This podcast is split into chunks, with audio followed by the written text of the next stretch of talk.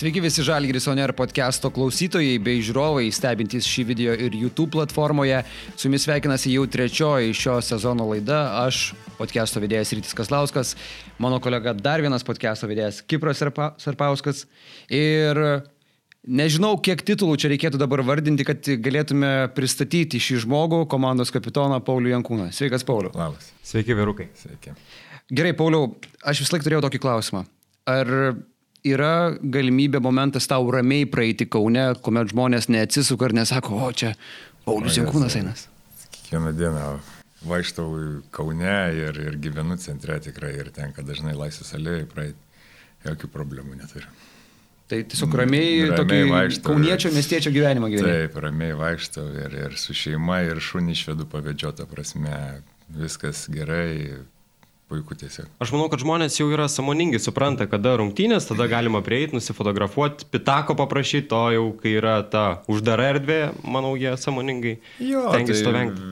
Visokių yra per karjerą buvę atsitikimų, bet ta prasme 99 procentai tikrai mes gal lietuviai tokie esame santūresni ir nieks nelenda į akis. Ir, a, kaip ir sakau, nieks netrukdo kažką, ta prasme, ramiai gyvenam, savo gyvenimus vaikštam, kur, kur ta prasme, laisvai, kur norim, jokių problemų. Visgi, Pauliau, gal ir žmonės neprieina, bet esat Kauno simbolis, Žalgerio simbolis, ar yra tekę pasinaudoti tuo? Pavyzdžiui, sustabdo policija ir taip gražiau sukalbėti, ar kaip nors kitaip to išvengti? Oi, kad jau senai policija buvo sustabdžius, kaip ir sakau, gyvenu čia tris minutės nuo arenos, niekur nevažiuoju čia, taisyklių nepažydžiu. Gal kažkada, kai tik pradėjau pirmosius žingsnius žalgyrėje, iš pradžio aišku, niekas tavęs nepažįsta, tu jaunas atėjęs, dar jeigu pasakysi, čia mano kolegai, palaukit, man tai kalniečiai, man atrodo, buvo, kad jis kažką užsiminė, kad žalgyrį žaidė, tai Policininkas sakė, jo, aš irgi ryte žaidžiu. Tai tu pats galvoji, kad esi jo, žinomas. Kitų tenais į halę, kiek atsimenu, buvo neįleidę jaunų žaidėjų, nu, nes dar nematė, apsauga pro duris neįleidžiasi ateina į varžybas. Taip kad pradžioj labai yra slidu tas, tais dalykais bandyti naudotis, nes gali nudegti. Neinant dar į krepšinio aikštelę, nekalbant apie tuos reikalus, kurie buvo žalgeryje ir yra žalgeryje, žinom, kad turite du rimtus hobius - tai yra žvejyba ir medžioklė. Pavyksta dar laiko rasti jiems ar jau į penktą planą nukelti? Nu jo, tie hobiai tokie yra, bet kaip ir pats sakai, tikrai dabar nepavyksta. Nežinau, du, tris kartus per metus labiau, labiau gal gamtoj pabūti pavadinčiau dabar savo hobį labiau išvažiuoti, pabūt gamtoje, nei kažką pagauti ar sumedžioti. O toj sodyboje, apie kurią kalbat, e, gamtos pabuvimas, e, pavyksta tai padaryti ir sezono metu, ar visgi tai yra tik vasaros laikotarpiai?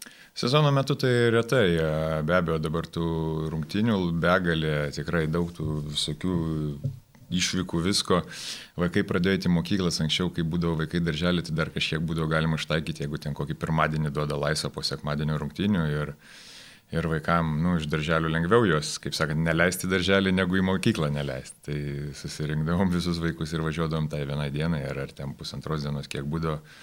O dabar, kai jau prasidėjo mokyklos, tai nu, negali vaikam pasakyti, aišku, jie to labai norėtų, bet, bet mes suprantam, kad, kad mokslai vis tiek yra svarbu ir kad, kad jie turėtų į mokyklą. Taip kad Būna, pernai tikrai buvo ir langai FIBA tie, kaip ir ta bloga sistema, bet mes kadangi jo, Eurolygos žaidėjai neždėm, tai kažkokį tai pliusą, kaip galima tai pajokauti, pajutėm, buvau nuvažiavęs keliom dienom. Bet vis tiek pagrindai yra po sezono, tas vasara dažniau tikrai nuvažiuojam. O kalbant apie tą aktyvų polisį, žinom, kad ir Žalgiro organizacijoje Paulius Motiūnas, Robertas Jeftokas mėgsta tokį pat aktyvų polisį, žvejybą, medžioklę. Yra tekę Darius Maskoliūnas dar. Darius Maskoliūnas yra tekę suderinti tokį bendrą kartu nu, praleidimo laiką. Palyginus su jais, kiek jie važiuoja, tai aš iš vis nei medžioju, nei žvejoju. jie, jie, tai prasme, turi daugiau laisvo laiko ir, ir, ir Robertui va, treniruotės baigėsi prieš, prieš tris metus, prieš du, kiek čia, tai va, jisai ta, labai dabar intensyviai to užsiema. Uh, Buvom su, palaukit, su kuo mes čia buvom. Labai seniai su kažkuo buvau medžiot kartu iš jų, bet sakau, paskutinius kelius metus tai beveik pats nevažiuoju ir, ir, ir su jais nebuvau. Pauliau, esi vienas iš tų žmonių Žalgirio komandoje, kuris perėjo tos visus pakopos laiptelius. Taip. Žalgirio piramidė, dubleriai, pagrindinė komanda. Sakyk, e, kaip nutiko, kad tu atsidūrė dubleriuose? Ar pameni tą akimirką, tas Oi, pirmas treniruotės? Labai puikiai pamenu, gal labiau tą jaudinimąsi, kaip tenais atsidurti. Nes uh, vis tiek uh, jau kaip pripažinkime, esu senesnės kartos žaidėjas, tai anksčiau, anksčiau būdavo į tos dublerius papultai kažkokią svajonę, dabar tai jaunimas jau nuo 14 metų, čia dabar kaip žiūri tos vat, vakar, kaip tik apdaunojimų buvo, tos visus jau 14 mečiai, 16 mečiai agentus turi, jau jie tenais ruošiasi ten važiuoti, jam pasiūlymai ten, ten, ten, o mums tai būdavo arba į Ameriką. Mane kelis kartus kvietė, bet aš kažkaip toks, kaip pasakyti. Bet buvo svarstymų apie tai apie Ameriką? Nebuvo iš viso. Nes, nu, aš nuo, nuo savo namų toli nesu labai nuvažiavęs, tai man išvažiuoti, išvažiuoti iš, iš, iš, iš, iš savo miestą ir, ir, ir, ir nežinau, nu, tiesiog man čia patinka. O, o dubleriuose tai buvo taip, kad žaidėm Sabonio mokykloje ir lankiau Sabonio mokyklą. Ir paskutiniais metais jau to Sabonio mokyklos 11 klasė, man atrodo, nu, daugum, nedaugumą, kaip pasakyti, ten kokius 5-6 iš mūsų paėmė jau, ten jie jau metai prieš tai eidavo, treniruodavosi. Ir manęs vis neimdavo į tos dublerius ir toksai... Atrodo, visi draugai jau išeina, ar ne? Jo, visi draugai išeina ir tada būdavo tos jaunimo rinktinės ir, mm. ir, ir, ir toj pačioj Sabonio mokykloje tikrai gerai sekėsi, ir jaunimo rinktinėse gerai sekėsi, ir vis neima ir neima. Ten tuo metu buvo treneris Rimantas Grigas. Ateidavo pažiūrėti visas mūsų rungtynės, treniruotės, daugumą treniruočių ir, ir ir po kiekvienos treniruotės laukia, nu kada, kada nežiūri, jau su tuo kalba, tai jau reiškia tą kvies, jau po treniruotės su tuo kalba. Bet jau būdavo aišku, ar ne, tas momentas, kai jo, kažkurį pakviečia. Jeigu jau po treniruotės tai parodo, tik e, pasišnekėti, tai jau aišku, kad, kad kitą dieną įsi dublerių sportuoti, o čia vis nekviečia, nekviečia. Tai toks buvo, buvo nu taip kaip pasakyti, viduje toks, nu nejaugi nepakvies, nes kaip ir po to, tai jeigu nepakviečia, tai toks daug pavyzdžių buvo, kad, nu, įstoji universitetą, jeigu, jeigu mokinaisi mokykloje ir tada bandai kažkokiu tais mokslo aukštumų siekti, nes, nu, nebuvo netiek daug galimybių, netiek daug komandų. Be abejo, būdavo pavyzdžių, kurie per kitur iškildavo ir taip ir toliau, bet, nu, mano kaip kauniečio tikslas, kaip sabonio krepšinimo auklėtinio tikslas buvo pakliūti būtent pradžioj į žalgį redubleris. O tuo momentu, kai visi draugai jau keliauja į dublerius, matot, kad treneriai prieina, o jūs vis nesat kviečiamas, nebuvo svarstymų galbūt eiti kitų kelių ir jau galvojimas, kad, ai, praleidinėjai treniruotės ir stengiasi galbūt kipti mokslus. Tik ir kitų kelių nebuvo. Vienintelis. Nu, su tais mokslais tai buvo, kaip pasakyti, pirmose keturiose klasėse labai gerai sekėsi, bet čia turbūt visiems visiem gerai sekasi tos tame etape, o po to prasidėjo tikrai treniruotės, rungtynės ir, nu, taip kažkaip po truputį, po truputį to mokslai buvo truputį apleisti, nebuvau tikrai blogiausias mokinys, visą laiką gal silpnas vidutiniokas, kai kurie dalykai geriau sekėsi, kai kurie blogiau, taip kad, nu, kaip sakant, kol dar treneris ateidavo pažiūrėti treniruočių, tol siekiau, kad pakviestų dublerius. Negalvojau apie alternatyvas. O tai pameni tą pirštą, kai tave pakvietė? Tai be abejo paminė, čia vienas iš, kaip pasakyti, kol kas kertinių gyvenimo įvykių. įvykių Likimo pirštas. Jo, pasikvietė ir, ir prisistatė, čia aš, Rimantas Grigas, čia Žalgerio dublerių treneris, gal norėtum, nu taip kaip ir paklausė, gal norėtum ateiti pasportuoti. Paprašau, vaidino leis pagalvoti. Ja, pavaidino biškutį. Ne, nu kai to klausimo lauki metus laiko, jau žinai aibę atsakymo variantų ir žinai, ką pasakyti. Prieš veidą treniruojas. Na, nu, net nestreniruoji, bet mintys apgalvoji. Pauliau, toj dubleriniai žalgerio komandoje puikiai sekėsi jums kovoti dėl kamolių, lygiai taip pat yra ir dabar, bet jau tada matėsi jūsų tą osilė kamoliams ir jeigu gerai pamenu, pataisykit 40 taškų ir 20 atkovotų kamolių. Yra tekę tokį užfiksuoti rezultatą.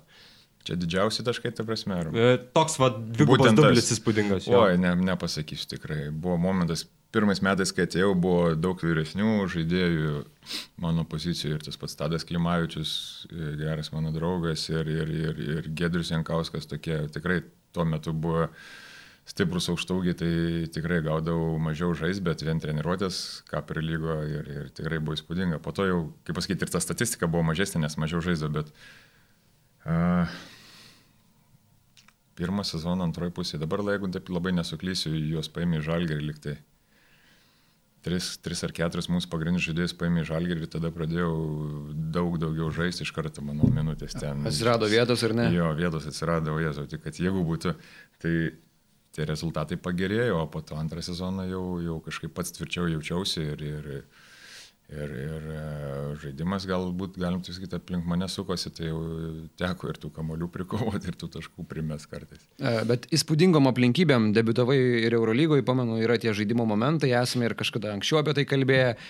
Komanda, kurioje žaidžia Arvidas Sabonis, yra ir Tanoka Berdas, sakyk, kokios buvo emocijos žengiant į tokią sudėtį su tokiais vyrukais, na, aukščiausio kalibro, iš tikrųjų, komandos draugai. Nu jo, tikrai.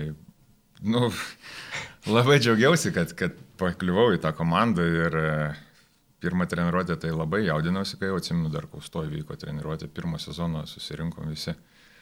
Nu, kaip gali jausis vaikas 19 metų ateinant ir jis stovi, Airidas Abuonis, Tanoka Berdas, tada Arturas. Tai Arturas Jeftokas buvo ir... Tai iš pradžių pasako užėjko, po to aikštė jau reikia su jais stumdytis, nu, ką ten stumdytis, reikia tiesiog išvengtų kontaktų su jais, nes jie, nu, visai kito kalibro vyrai buvo. Bet viskas gerai, labai gerai priemė, tikrai sembuviai, kurie buvo tada žalgeriai mūsų jaunimą globojo, tikrai, kaip pasakyti, sustatė tos pagrindus, kaip turi vyresni žaidėjai elgti su jaunimu ir Timinskas kapitonas tikrai ir šalinga tada buvo, taip kad... Blema gera komanda buvo. Jo, buvo, buvo tada gera komanda ir, ir gerai žaidėm ir, ir, ir rūbiniai tikrai buvo labai smagu. Žiūrint iš dabartinės perspektyvos, kiek jūsų manimų prie jūsų kaip profesionalaus, profesionalaus krepšininko susiformavimo prisidėjo Arvidas Sabonis ir Tanoka Berdas, tokie mokytojai šalia. Ką pavyko galbūt iš kiekvieno asmeniškai pasimti? Nu, manau, kad, e, kaip pasakyti, atrodytų, kad vis tiek kažkaip iš dublerio atėjau iš, nu, vadinkim taip, vaikų krepšinio į tą vyrų krepšinį, tikrai būna sunkus tas lenksis toksai ir, ir, ir ne visi jį peržengia, pakliuvus dar prie tokių konkurentų. Nu, sunku buvo, tikrai sunku buvo, fiziškai buvo sunku ir psichologiškai vis tiek. Atėjęs jaunas čia vis tiek, kaip pasakyti, viduje nori kalnus nuversti ir taip, taip toliau, bet uh, susiduri su didelė realybė.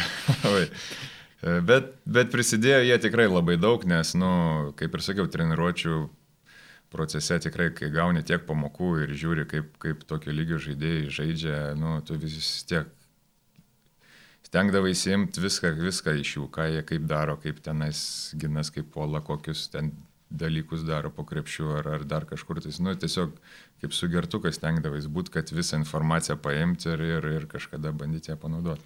Esate minėjęs, jog Tanoka Berdas, vėliau Goronas Jūrakas per treniruotės labai jūs daužydavo, stengdavosi neleisti priimti kamuolių ir panašiai. O jūs esate taip, pavyzdžiui, nublokavęs Goroną Jūrą Kartanoką Berdą arba taip jį sutramdys, jog ilgai tai prisiminė ir galbūt bandė prikaišyti? Yra, tai atsimenu tą momentą? Aš atsimenu, esu Tanoką Berdą, nu, taip pasakysiu, vieną kartą nublokavęs. Bet sekančią ataką jau pasigailėjau, nes kažkur, kažkurios vietos veidas ryties pradėjo kraujas bėgti, nes buvo grinai, nu, tiesiog kažkaip jisai ten metė, pavyko manį nublokuoti. Sekančią ataką identišką situaciją ir vietoj to, kad mestų kalkūnė parėjo. Kaip dabar galvojat, specialiai talkų neparėjo ar taip? Aš manau, kad, nu, be abejo specialiai, nu, kaip kitaip gali būti. Nebūna, nu būna kartais, kad alkoholis. Gal tada jums specialiai. atrodė, buvot naivesnis, gal atrodė, kad čia, nu, taip, kovojo. Tano, kad toksai būdavo, su jaunimu jis būdavo griežtas, tada tai labai mes pykdavom ir, ir, ir, ir ant Tanokos pykdavom, ir ant trenerių pykdavom, nes jam baudų nešildo.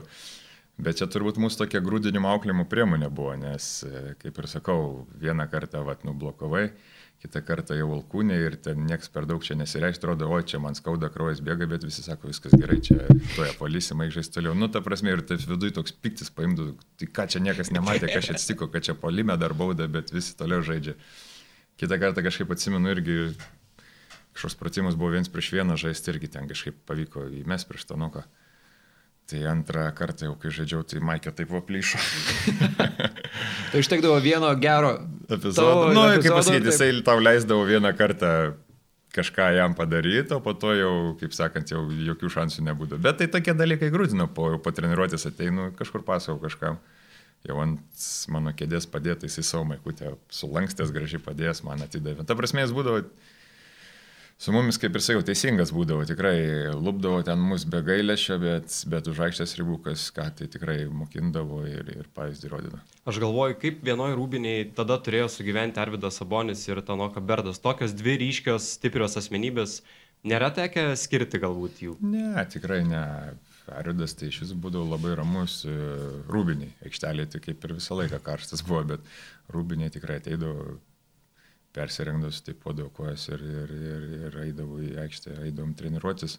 Tanukai irgi už aikštės ribų būdavo ra, ramesnis negu, negu aikštelė, taip kad jie buvo tikrai profesionalai ir, ir tų dalykų, kas vyksta aikštelėje, ten kažkokių tai kovų ar kažko į rūbinę tikrai niekas neperkeldavo. Ar jau po pirmo sezono jau supratai, kad jau užsikabinai už komandos, jau nebuvo kažkokių abejonių, kad velnės dar čia galiu būti išsiųstas atgal, ar jau jautėsi užtikrintas? Nu, pirmo sezono antroji pusė traumą gavau. Uh, uh, su Makabi žaidėme ir užšoko ant kelio vidinius raišius, atsimenu, pasitempiau ir, ir nu, nebaigiau sezono, tai pasakyti. Bet šiaip sezonė visai neblogai sekėsi, tai buvo minčių, bet, bet vis tiek užklausėm vadovų tuo metiniu, kaip, čia, kaip jie mato dėl manęs ir kaip ką ir pasakė, kad, kad viskas gerai, gydykis traumą, liks kitiem metam, tai taip ir buvo ramiau. Kiek labai ilgai lauki to momento, kuomet susiformavo Big Three? Kalnietis, Mačiulis, Jankūnas, komanda vis tiek buvo pažįstami, buvo draugai. Tai, tai laukiau, kol, kol jie atėjo. nu taip, nu mūsų visų kelias skirtingas buvo. Aš nuo sezono pradžios rašiausi su komanda, man tą vidurį sezono paėmė į, nu, čia skirtingi metai, tik tai į, į komandą jau kai buvo labai blogai.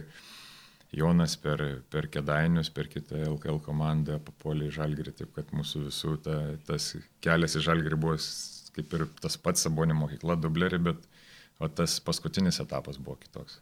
Ar dar iki žalgerio laikų jau su mačiuliu ir kalniečiu galvojate, kaip čia žaisit visi kartu žalgeryje? Buvo tokių svajonių? Neatsimenu dabar labai stipriai, ką mes tenais, ta prasme, kad visi norėjo žalgerį žaisti šimtas procentų, bet uh, Ar mes ten labai svajojom, kad jo, čia mes visi žaisim žalgerį, tai turbūt ne, gal patiliukais kiekvienas svajoja, kad aš, aš tai tikrai žaisiu. o kai visi trys jau buvo žalgerį, buvo ta trijulė, kuri gale užsimdavo autobuse vietas, buvo rezervuota jau jums? Galiorka vadinamoji.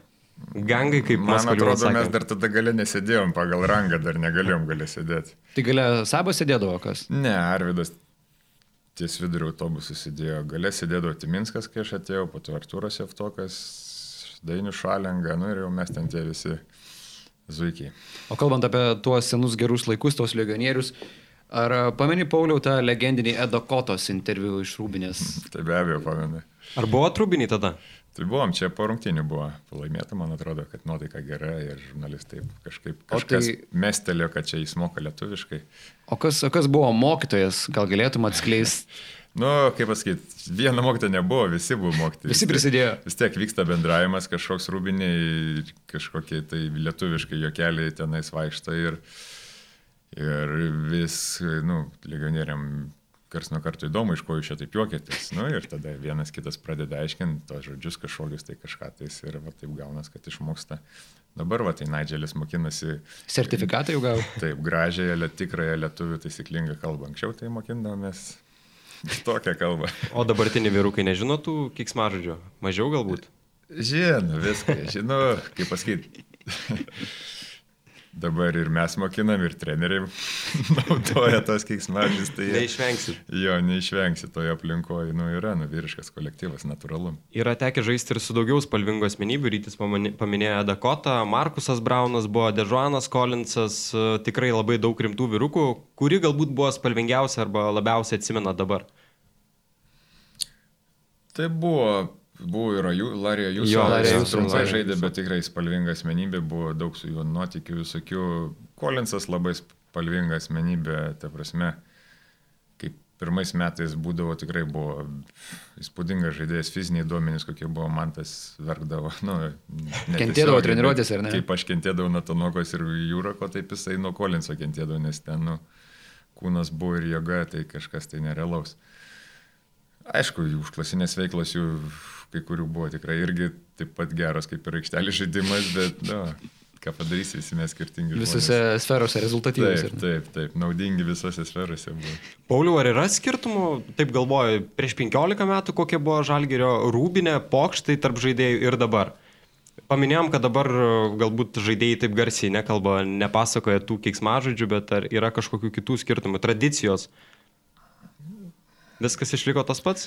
Nu, negali sakyti, kad viskas tas pats išliko, vis tiek keičiasi žmonės, laikai keičiasi, jaunimo, aišku, mes ir tada jaunimas buvo matėjom, bet kaip ir sakau, laikai keičiasi, tai kažkas tai su tuo laiku naujo atsiranda, kažkokių tais ten tradicijų, kažkokios tai picos, dabar ten sušiai, picų neturim, aišku, anksčiau buvo sušius turim, kažkokį talentą tokia atsirado, nu anksčiau būdavo, bet taip rečiau gal dabar, tai čia paskutiniais keliais metais tai prisigalvojam čia už, kaip sakant, už daug ką beleką, tas sušiai ar kažką dar anksčiau, tai būdavo santūriau kažkaip tie dalykai, bet nu viskas gerai, smagu, kol, kol, kaip pasakyti, tie dalykai padeda komandai, padeda žaidėjim labiau susibendrauti, sus, kaip pasakyti, susirišti vienas su kitu, tai yra gerai. O tai anksčiau buvo už šimtą į tašką pica, ar ne? Jo, dabar sušiai yra. Kiek nu, žinau, čia- sveikiau bandom gyventi, čia maitintis. kad- Suprantu. Kaip sakant, visi eina į tą sveikoliškumą labiau, tai ir mes tą propaguojam komandai. E, Kalbant apie tuos pokštus, ar nėra buvę taip, e, čia toks ir galiu, sakė paklausti, nėra buvę, kad e, kambariokas koks nors liptų pas jūs į lovą? Yra buvę, buvę daug, nedaug vieną kartą toks įsimintinas. Tai čia jau irgi visiems žinoma istorija. Man tas kalnėtis buvo sumaišilovas tiesiog.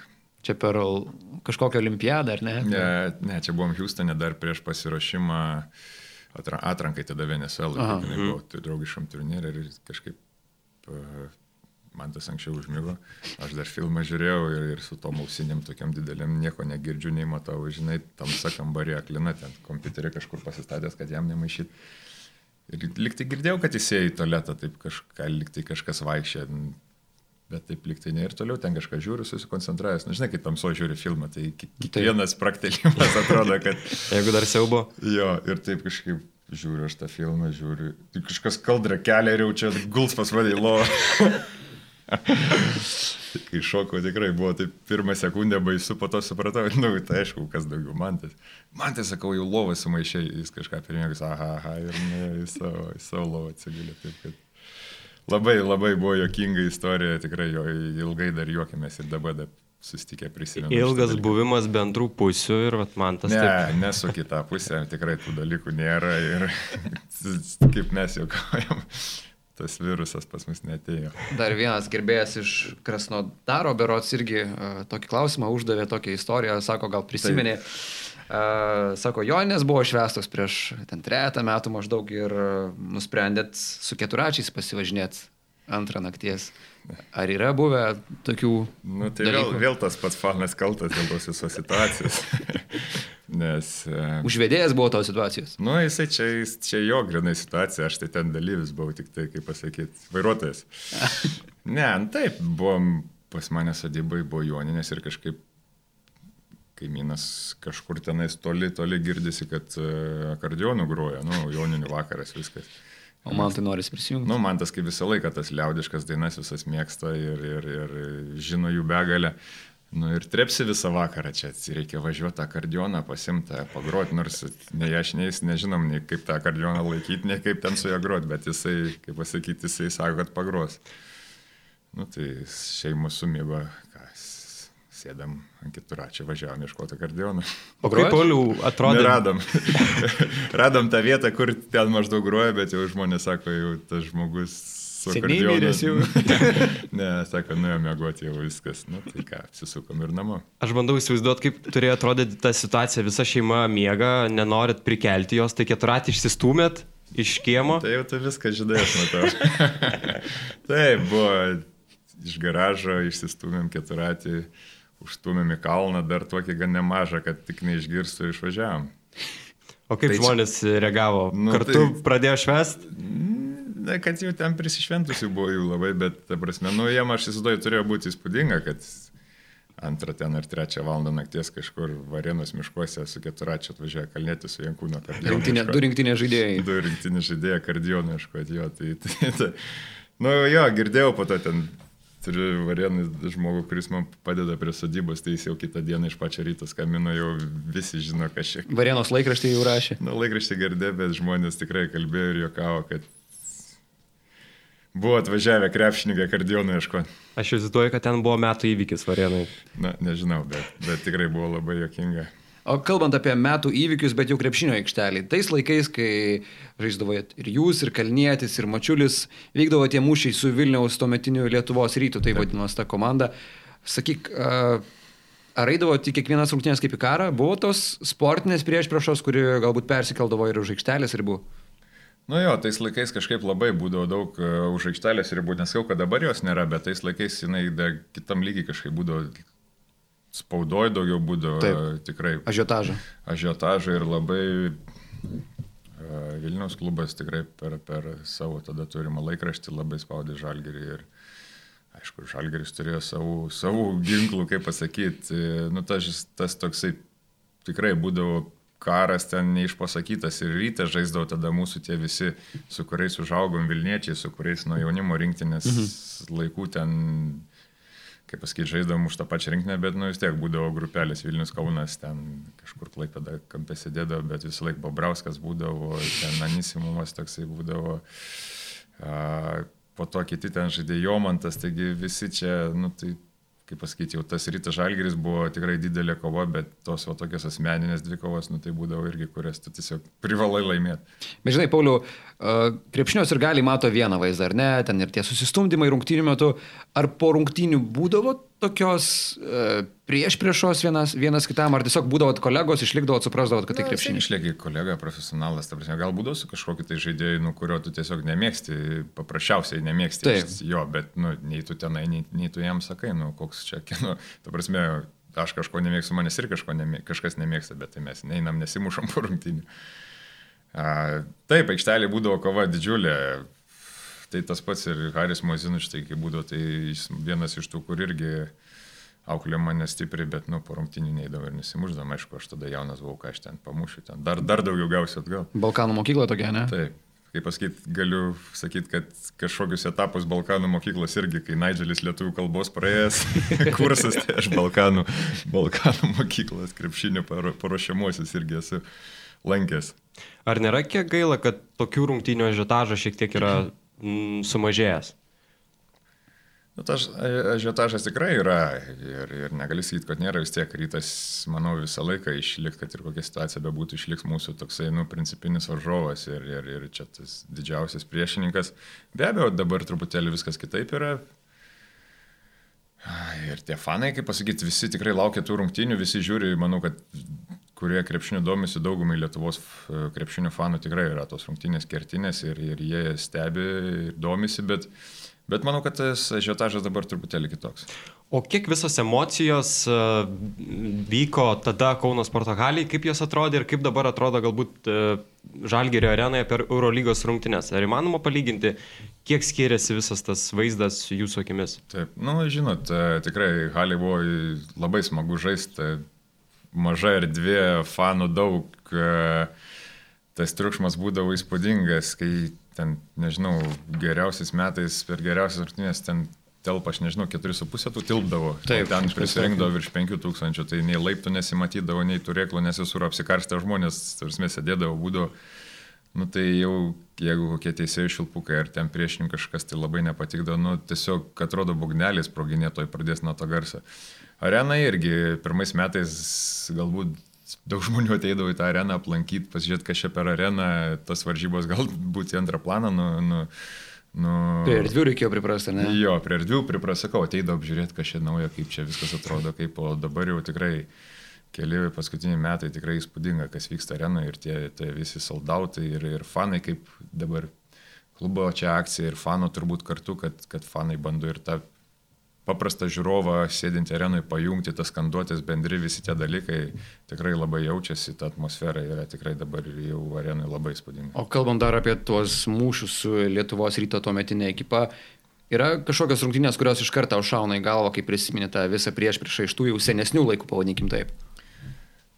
Na jo, iš, iš pradžių tai būdavo sunku labai su rytų žaisti, nes toks kažkoks kaip jaunam žaidėjui, nu toks dar matyt gal psichologiškai nebuvau pasiruošęs, nes toks, nu, jau čia būdavo bomba, čia už karą turbūt baisiau, aš juokauju, aš taip, taip. už karą baisiau nebus, bet tai būdavo sunku, bet po to, po to kažkaip tai apsipratau ir viskas buvo gerai. Nu, manau, kad labiausiai įsimins tai tos trečios rungtynės čia kaip su rytų žaidėm pusfinalį.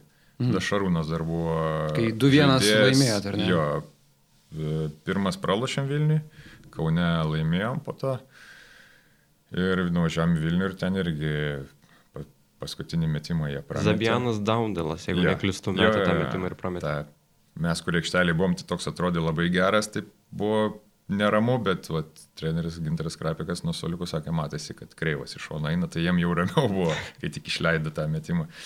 Na jo, tokias paskutinių, ta prasme, čia tų metų, kiek aš nežinau, kada, neatsimenu tiksliai, kelintais metais buvo, bet, nu, va, tos tokios, kur pasakysi, kad vis tiek tas su rytų žaidimas ne finale, o pusinalį, nu, tai buvo pirmą kartą toks dalykas mum ir išlikė tos, nu, ta pergalė, tos emocijos, nu, tikrai kažkas įspūdingo. Tai iš tos tikrai nepiktosios pusės aš čia klausiu, kas labiausiai išknyzdavo varžovo komandai. Jomantas, Zavackas, kas, ta prasme, kas nervindavo labiausiai. O, čia tas. Nu tai, kaip pasakyti, ne vienus metus mes čia su jais jau žaidžiam, tai, tai iš pradžių būdavo Haris Mazinovičius, sakau, nu, va, tiesioginis Nilsenas, nu visi tokie, va, tie tokie O žaidėjai. Jevtokas padaužydavo. Na, Robertas taip jisai stiprus buvo, jisai, kaip pasakyti, jis nedarydavo tų visų dalykų. Tenais alkūnių patempimo ar kažko tokio, jis tiesiog atsistodavo, kai vola ir stovėdavo, nei tu ten pastumsi, nei ką. Tai va, jisai toksai, kaip pasakyti, ne iš blogosios valios. Nepiktybinis. Prieš, nepiktybinis priešininkas. O po to be abejo būdavo ir Jomantas, ir Babrauskas, Zavackas.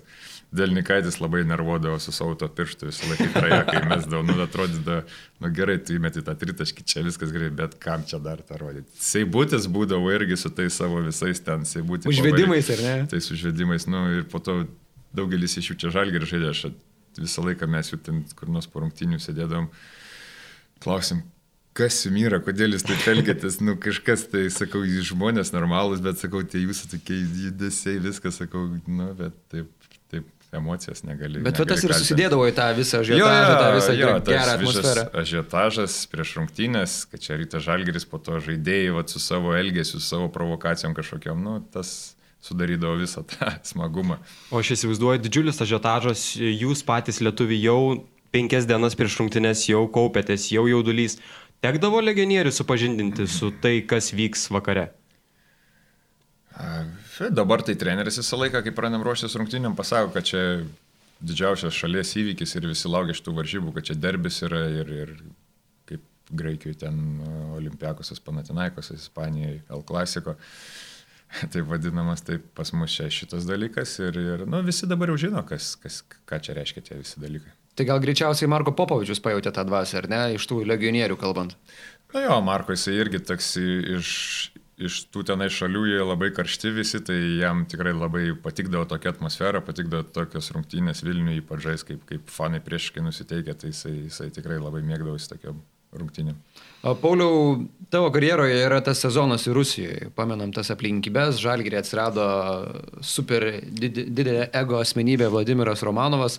Tas sprendimas išvažiuoti į Rusiją, kiek jis buvo sunkus, kiek, kiek reikėjo apie tai galvoti, kad tu, na, visgi teks tau palikti Kauną, tą miestą, kur kaip pats kalbėjai, visą laiką norėjai būti ir gyventi šalia arenų, žaisti toj pačioj Žalgirio komandai. Tai galima turbūt taip paprastai pasakyti, kad e, niekada, tai prasme, turbūt ir nebūčiau išvažiavęs, jeigu ne Vladimiras Romanovas, nes tiesiog jisai po sezono tai ir pasakė, to, to, to mums nereikia, nei Mačiulio, nei, Kalnė, nei Jankūno nereikia, dar ten kažkokių žaidėjų, dabar neatsimenu, bet sako, va, Kalnėti vieną mes čia iš tų trijulės mūsų pasiliekam. Nes jūs šie trys valdot Rubinę, jis pamatė, kad mes gerai Rubinę Jungėtės į grupuotės. Jo, kad jisai mūsų negali ten kažkaip taip įveikti, jeigu taip galima išsireikšti. Tai ir jis pasakė, kad nereikia ir, ir tada Paulius dirbo tenais pas, pas Romanovą ir sako, nu atėjo, sako, aš jau visus būdus išbandžiau viską, bet sako, nu nesiūlysim tau kontraktą, nes, nu, tokia šeimininko yra nuomonė. Tai tada teko ir išvažiuoti, bet manau, kad tikrai nebūčiau išvažiavęs, jeigu ne Romanas.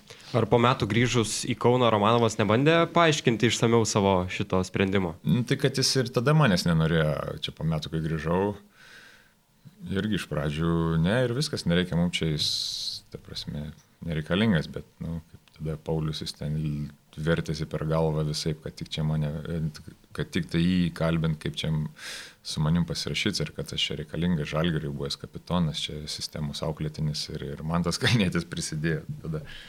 Taip, Tai- kad kažkaip bendrom jėgom ir pavyko, pavyko jį perkalbėti, o po to jisai, nu, labai džiaugiasi, kiek gali tikėti, nežinau.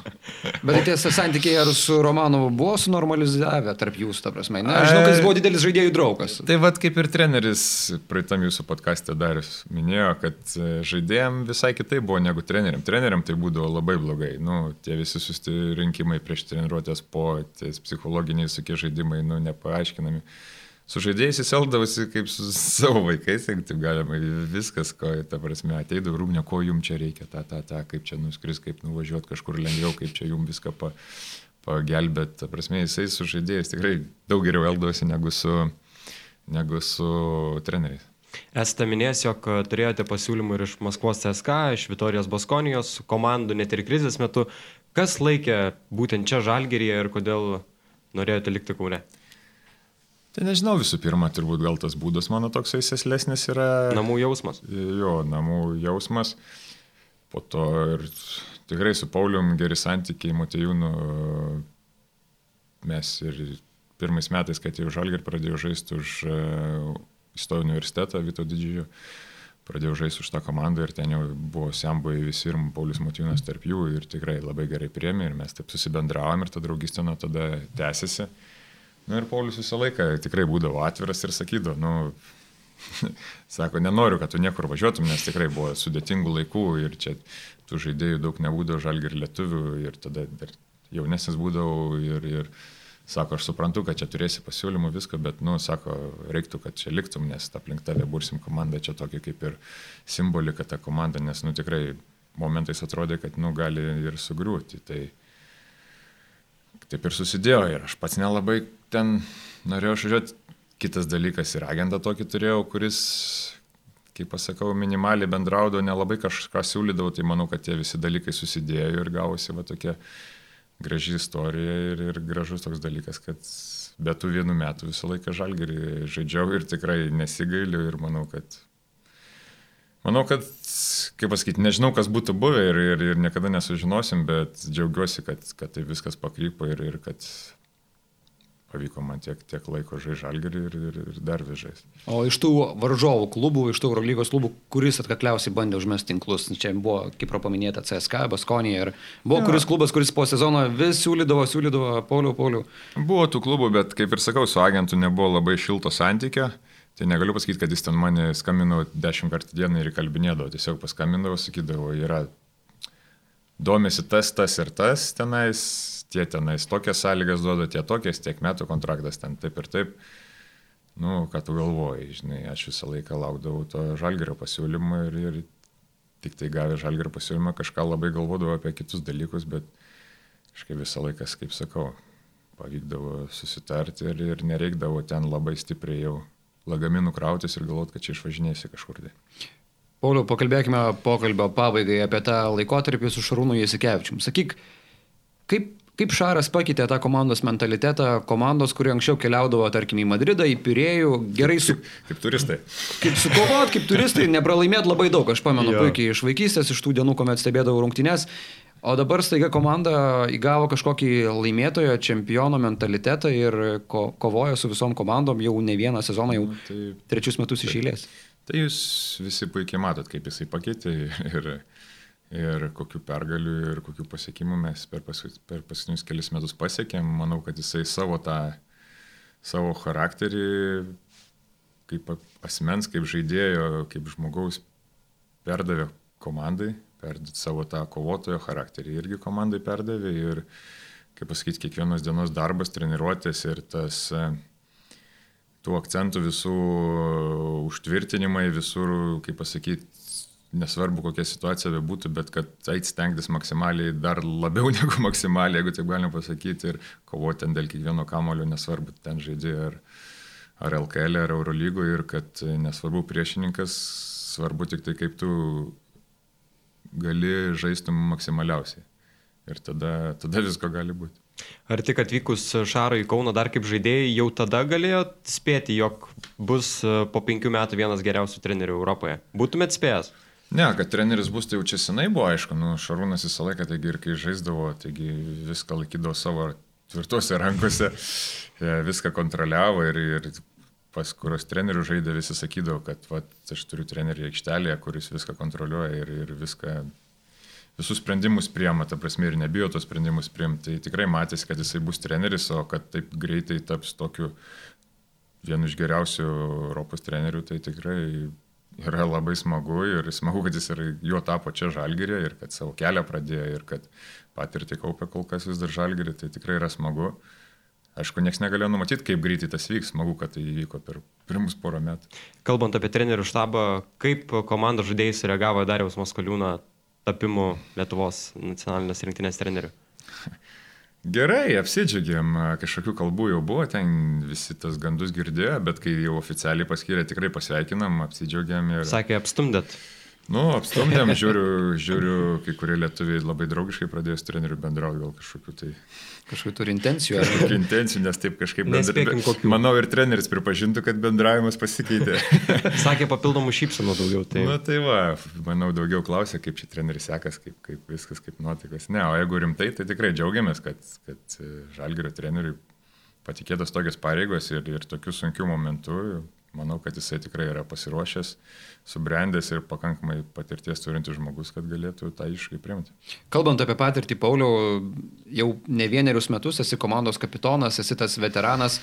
Kada jau susitaikai su tuo vaidmeniu, kad gerai, aš jau esu vienas vyriausių, jau esu tas, žinai, tai, kurį žiūri visi. Kai jau tą, žinai, prieš rungtynės duoda lapę, nu, tą knygutę kokią nors ir tuos gimimo metus peržiūri ir žiūri ten. Žiūri, kiek jaunesnių dar būdavo, ne anksčiau. Nu jo, anksčiau žiūri kelintas čia pagal jaunumą, po to jau žiūrėdavau tokie 89 gimimo, 90 atrodydavo labai baisiai, nu, nu aš 84.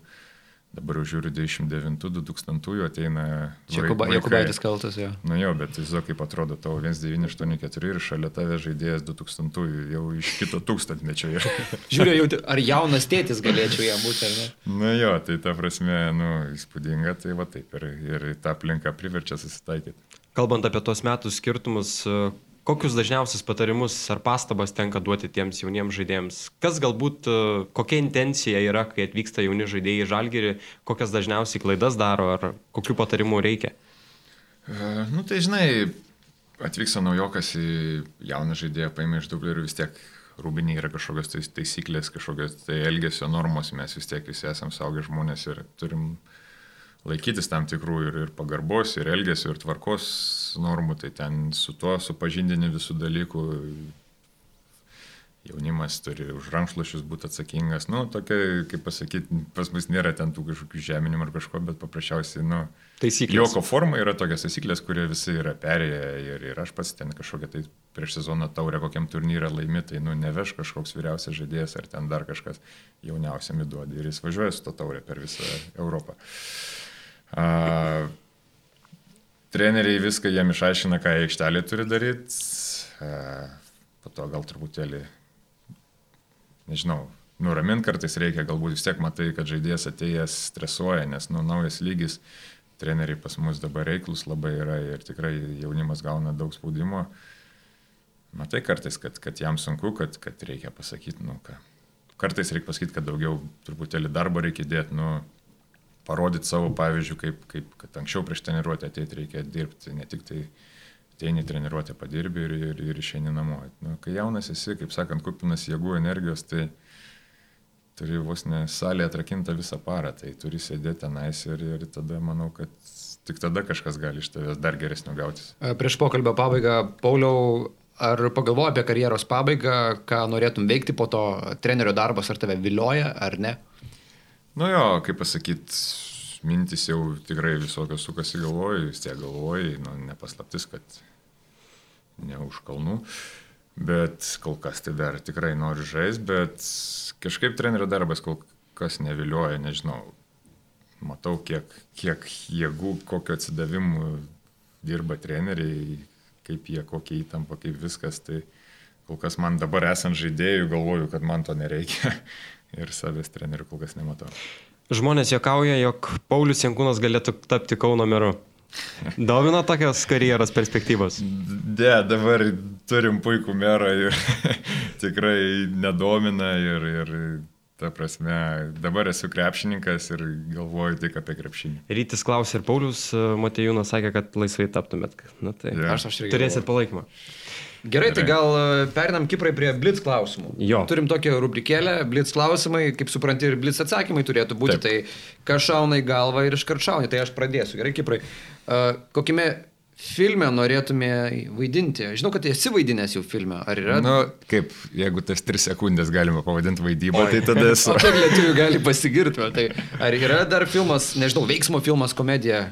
Ai, man Aktorius? labai veiksma patinka filmai, bet man labai patinka tie istoriniai tokie filmai ir, ir, ir, ir ten tie praeičių visokie mūšiai, visokie ten kunigaikščiai karaliai, tai vad kokiam gali istorija. galėtum vaidinti amerikietį išsilaipinusi Normandijoje, kur jau, ta, žinai, diena, antras pasaulinis karas, ir ten kovoja.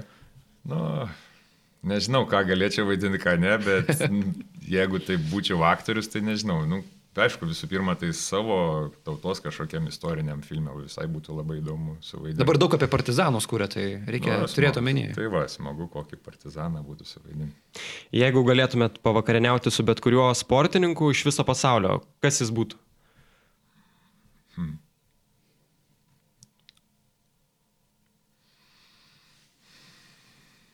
Geras klausimas. Daug yra žmonių tikrai, su kuriais nori pavakarieniauti, bet nežinau. Kas pirmiausia šauna į galvą? Vaikystės toks idealas, tai visą laiką žiūrėdavau Formulę 1 ir Michaelis Šumacheris būdavo, aišku, dabar jisai gydosi po, po didžiulės traumos, bet ta prasme, jeigu iš vaikystės taip žiūrint, tai vat, savo idealu. Koks pirmas klausimas būtų idealui? Kas už vakarienę mokės? tai manau, kad jau tektų man sumokėti, nes aš kaip ir čia pakviešiu vakarienės. Kitas trumpas klausimas, čia, jeigu iškart prisiminsi, kada paskutinį kartą dainavai mes prie Nemuno užaugę. Turbūt kažkada su kalniečiais. Ka kada daugiau? Nes kada daugiau. Man kada atrodo, kad su Šaru praeitais metais. Aš taip. Nu, bet tai čia buvo praeitais metais. A, pavyko. Į kokį koncertą norėtumėt nuvykti? Galbūt dabar Žalgerio arenoje prasidės kalėdinis maratonas, keliausit. E, Taip, e, bus čia tikrai gerų koncertų Žalgario arenoje ir tikrai jeigu nesidubliuoja su rungtynėm ir kitą dieną nebūna rungtynė, aišku, nedažnai pavyksta, bet jeigu yra tikrai geras koncertas ar ir Lietuvos atlikėjo, ar, ar užsienio, čia stengiamės sudalyvauti. Gerai, aš dar vieną blitz klausimą užduosiu ir tada pereisim prie sirgalių labai trumpų klausimų. Priznis fondas milijonas eurų, žaidži vienas prieš vieną iki 11 taškų su Jonu Mačiuliu arba Mantu Kalniečiu ir kurį pasirinktum iš jų kaip varžovą sužaisti iki 11 su tokiu Tai priziniu. fondu. kalnėti, aišku, mačiulis, tai kas stiprus, dar ten reiktų stumdytis kažką, tai kalnėti, tai manau, kad būtų. Easy. Nu, ne easy tikrai, jeigu ten, žiūrint kaip, jeigu į du krepšius, tai tada vieną, neimčiau. Į vieną. Į vieną krepšį, nu, tada man tai aišku imčiau. Tek jau biškai apsistumdyti, taip žinau, kad, kad turėčiau laimėti. Antrajako bandytumėt ar Ne, nugarą? trajekų, ne. Tai man tas čia bandytų ant trajekų. Man tas bandytų ant trajekų, aš iš po krepšio, nu ką, lengvi taškai būtų. Gerai, keliaujam prie sirgalių klausimų. Labai daug jų e, pridėrėjo. Aš atrinkau 11-10 labiausiai patikusių Taip. ir jums, Pauliau, reikės išrinkti vieną. Jam atiteks e, Žalgerio suvenyrai. Tai kam Tadas klausė, kokį geriausią pokštą yra pasiriviravęs komandos draugas? Nebūtinai iš dabartinių. Daug čia tų pokštų buvo, yra buvę, kad iš kažkur grįžti, o komandos draugai ten pasiema kortelės tavo kambarį ir sukučia kambarį, arba man buvo, aš jau mėgojau, kažkaip komandos draugai nuėjo apačią, pasiemė kortelę, ir, bet jau aš buvau pasiruošęs tam pokštui, tas užsklendęs, tas sklendė viešbutį. Nežinau, kad tikrai ateis, nes taip buvo kažkam padarę tą dalyką ir Tiesiog lau- laukiai savo eilės, ne? Jo, ir, ir taip miegu, miegu, jau tik įmygęs tas pats geriausias, ir nu, jau taip jie norėjo iššokti, matyti, ir tos durys, džiuh, nes tas sklendis yra užverta. Taip. Ir, tai kaip buvo, jie bandė pokštą padaryti, bet gavosi, kad aš jam geresnį pokštą padariau. A. Jie to nesitikėjo. A, Dar Ginsas Ramūnas klausė, kodėl neauginote barzdos? Nu, kaip pasakyti, dėl visiems suprantamų priežasčių nelabai auga. Jeigu auktų, gal ir auginčiau. Vyras- Ūs, ūsai augo, ne? Jo, Nu, buvo, jisai buvo užaugę čia vienu metu stipriai. yra klausimas kaip tik apie ūsus. Ar dar grįžta aikštelė Jankūno ūsiukai, klausė vyras kaip pipiras. Nežinau, į aikštelę ar grįš ar ne, bet man patiko iš tikrųjų su ūsais. Buvot kitoks toks. Jo, nu, kaip pasakyti, buvau vyresnis dabar, jau kai tiek metų noriu būti jaunesnis, tai mūsų kol kas nebus. Bet kažkada aš vis pajakauju, kad tikrai atsiauginsiu. O ar norėtumėjai nuskust Milaknių barzdą, klausė Dovilytė 8. Tai buvo. buvo ir pernai, Antanui norėjom labai nuskos barzdą. O jau arti to buvo, ar ne? Ne, tikrai ne, jis nesiduotų, nebent ten, nežinau, mygdomųjų kokių pri, pri, primaitinti. Bet visai būtų įdomu pažiūrėti, kaip jie be, be tų barzdų atrodo eilę metų, tikrai čia net, neatsimenu, kada jas užsiaugino Milas po Kazanės, turbūt, nu, pamatyti dar jauną veidą žmogus būtų įdomu. Saja Taus klausė, po kurios pergalės buvo ilgiausias geriausias balius. Paulius Matejūnas sakė, kad patekimas į finalinį ketvirtą, tada buvo fantastiškas Nu, taip, šventimas. taip. Irgi? Paskutinių čia kelių metų tikrai buvo nu, kažkas nerealaus, nes vis tiek toks dalykas. Čia kažkaip bandom iš kelių žmonių surinkti visą. Istorija. Jo, tikrai buvo labai smagu. Uh, gerai, dar vienas klausimas. Nežinau, ar atsakysi, gali pasirinkti, ne taip, uh, Jevuzė 13 klausė, nemėgstamiausias krepšininkas, prieš kurį yra tekę žaisti. Nemėgstamiausias. Nu, kaip ir sakiau, va, Haris Mazinovičius karjeros pradžioje būdavo, nu tikrai išeini tą aikštelę, atrodo jau, jau žinau, kad jisai, ką jis daro, kaip jau aš tavęs neliesiu, bėgsiu aplinkui, tai vis tiek, kur bebėgtum talkų nepareikia. Čia linkėjimai Bosnijoje tada. Jo.